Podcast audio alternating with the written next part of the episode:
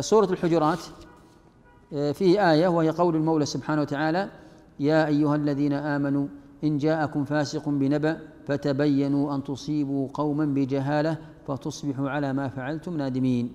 هذه الآية نص في التثبت عند خبر الفاسق.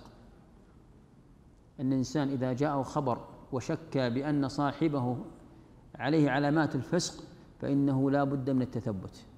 إذا عندنا الناس على ثلاث أحوال. إما صادق وعرف عنه الصدق فهذا يقبل مباشرة دون السؤال. وإما كاذب فيرد مباشرة. وإما عليه علامات الفسق فهذا لا بد من التثبت. إذا جاءك خبر من صادق قبل مباشرة.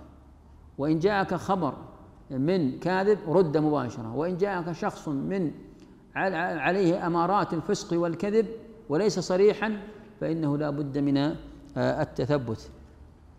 لأن لأن الصادق ثقة يقبل ولأن الكاذب مردود قوله مباشرة فيبقى هذا الذي بين هذا وهذا هو الذي لا بد من التثبت آه، من كلامه. والتحري. وهذه الآية أيضا فيها يعني صريحة بأن الإنسان المؤمن يجب عليه أن يتثبت في نقل الأخبار ولا يتعجل. ولنلاحظ الآن مع التقنية الجديدة في الجوالات أن كل خبر يأتي مباشرة يرسل مباشرة. فأنت لا ينبغي لك أن تتثبت في مثل هذه الأخبار خاصة إذا كان فيه يعني آه، يعني آه، قد يكون هذا في قدح في في إخوانك المسلمين أو كذا أو انتقاص من إخوانك المسلمين. ينبغي الإنسان أن يتثبت في مثل هذه الأخبار وأن لا يتعجل ويسارع آه، في نقل هذه الأخبار وهذه الشائعات. ليس من الضروري إرسالها إذا جاءتك ليس من الضروري بثها ونشرها وإشاعتها. ليس لا ليس لزاما عليك هذا.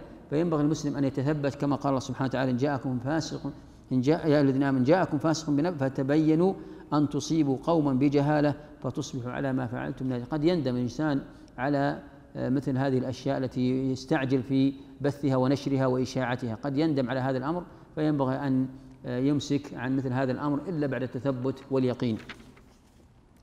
الآية الآية الأخرى من سورة الحجرات قول الله سبحانه وتعالى وإن طائفتان من المؤمنين اقتتلوا فأصلحوا بينهما فإن بغت إحداهما على الأخرى فقاتلوا تبغي حتى تفيء إلى أمر الله فإن فاءت فأصلحوا بينهما بالعدل وأقسطوا إن الله يحب المقسطين الحكم في هذه الآية أنه إذا وقع اقتتال بين فئتين مؤمنتين فما الحكم؟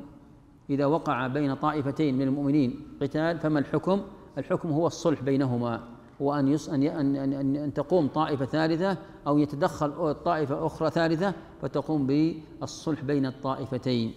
فإن امتنعت إحدى الطائفتين آه، عن الصلح وأصرت التمسك برأيها فإنها تقاتل. إما أن الصلح يعني يقدم الصلح ما الذي تريد ما الذي تريده؟ أو ما الذي تريدونه أنتم؟ وما الذي تريدون أنتم؟ نصلح بينكما ونطلب الصلح والصلح خير.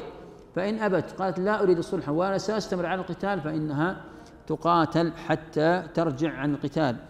فقاتل التي تبغي حتى تفيء إلى أمر حتى ترجع إلى أمر الله. فإن رجعت إلى حكم الله وهو الصلح حكم بينهما بالقسط بأن يعطى هذا حقه وهذا ويرضى ويرضى كلا الطرفين. هذا حكم الله في آه، إذا وقع مثل هذا الأمر.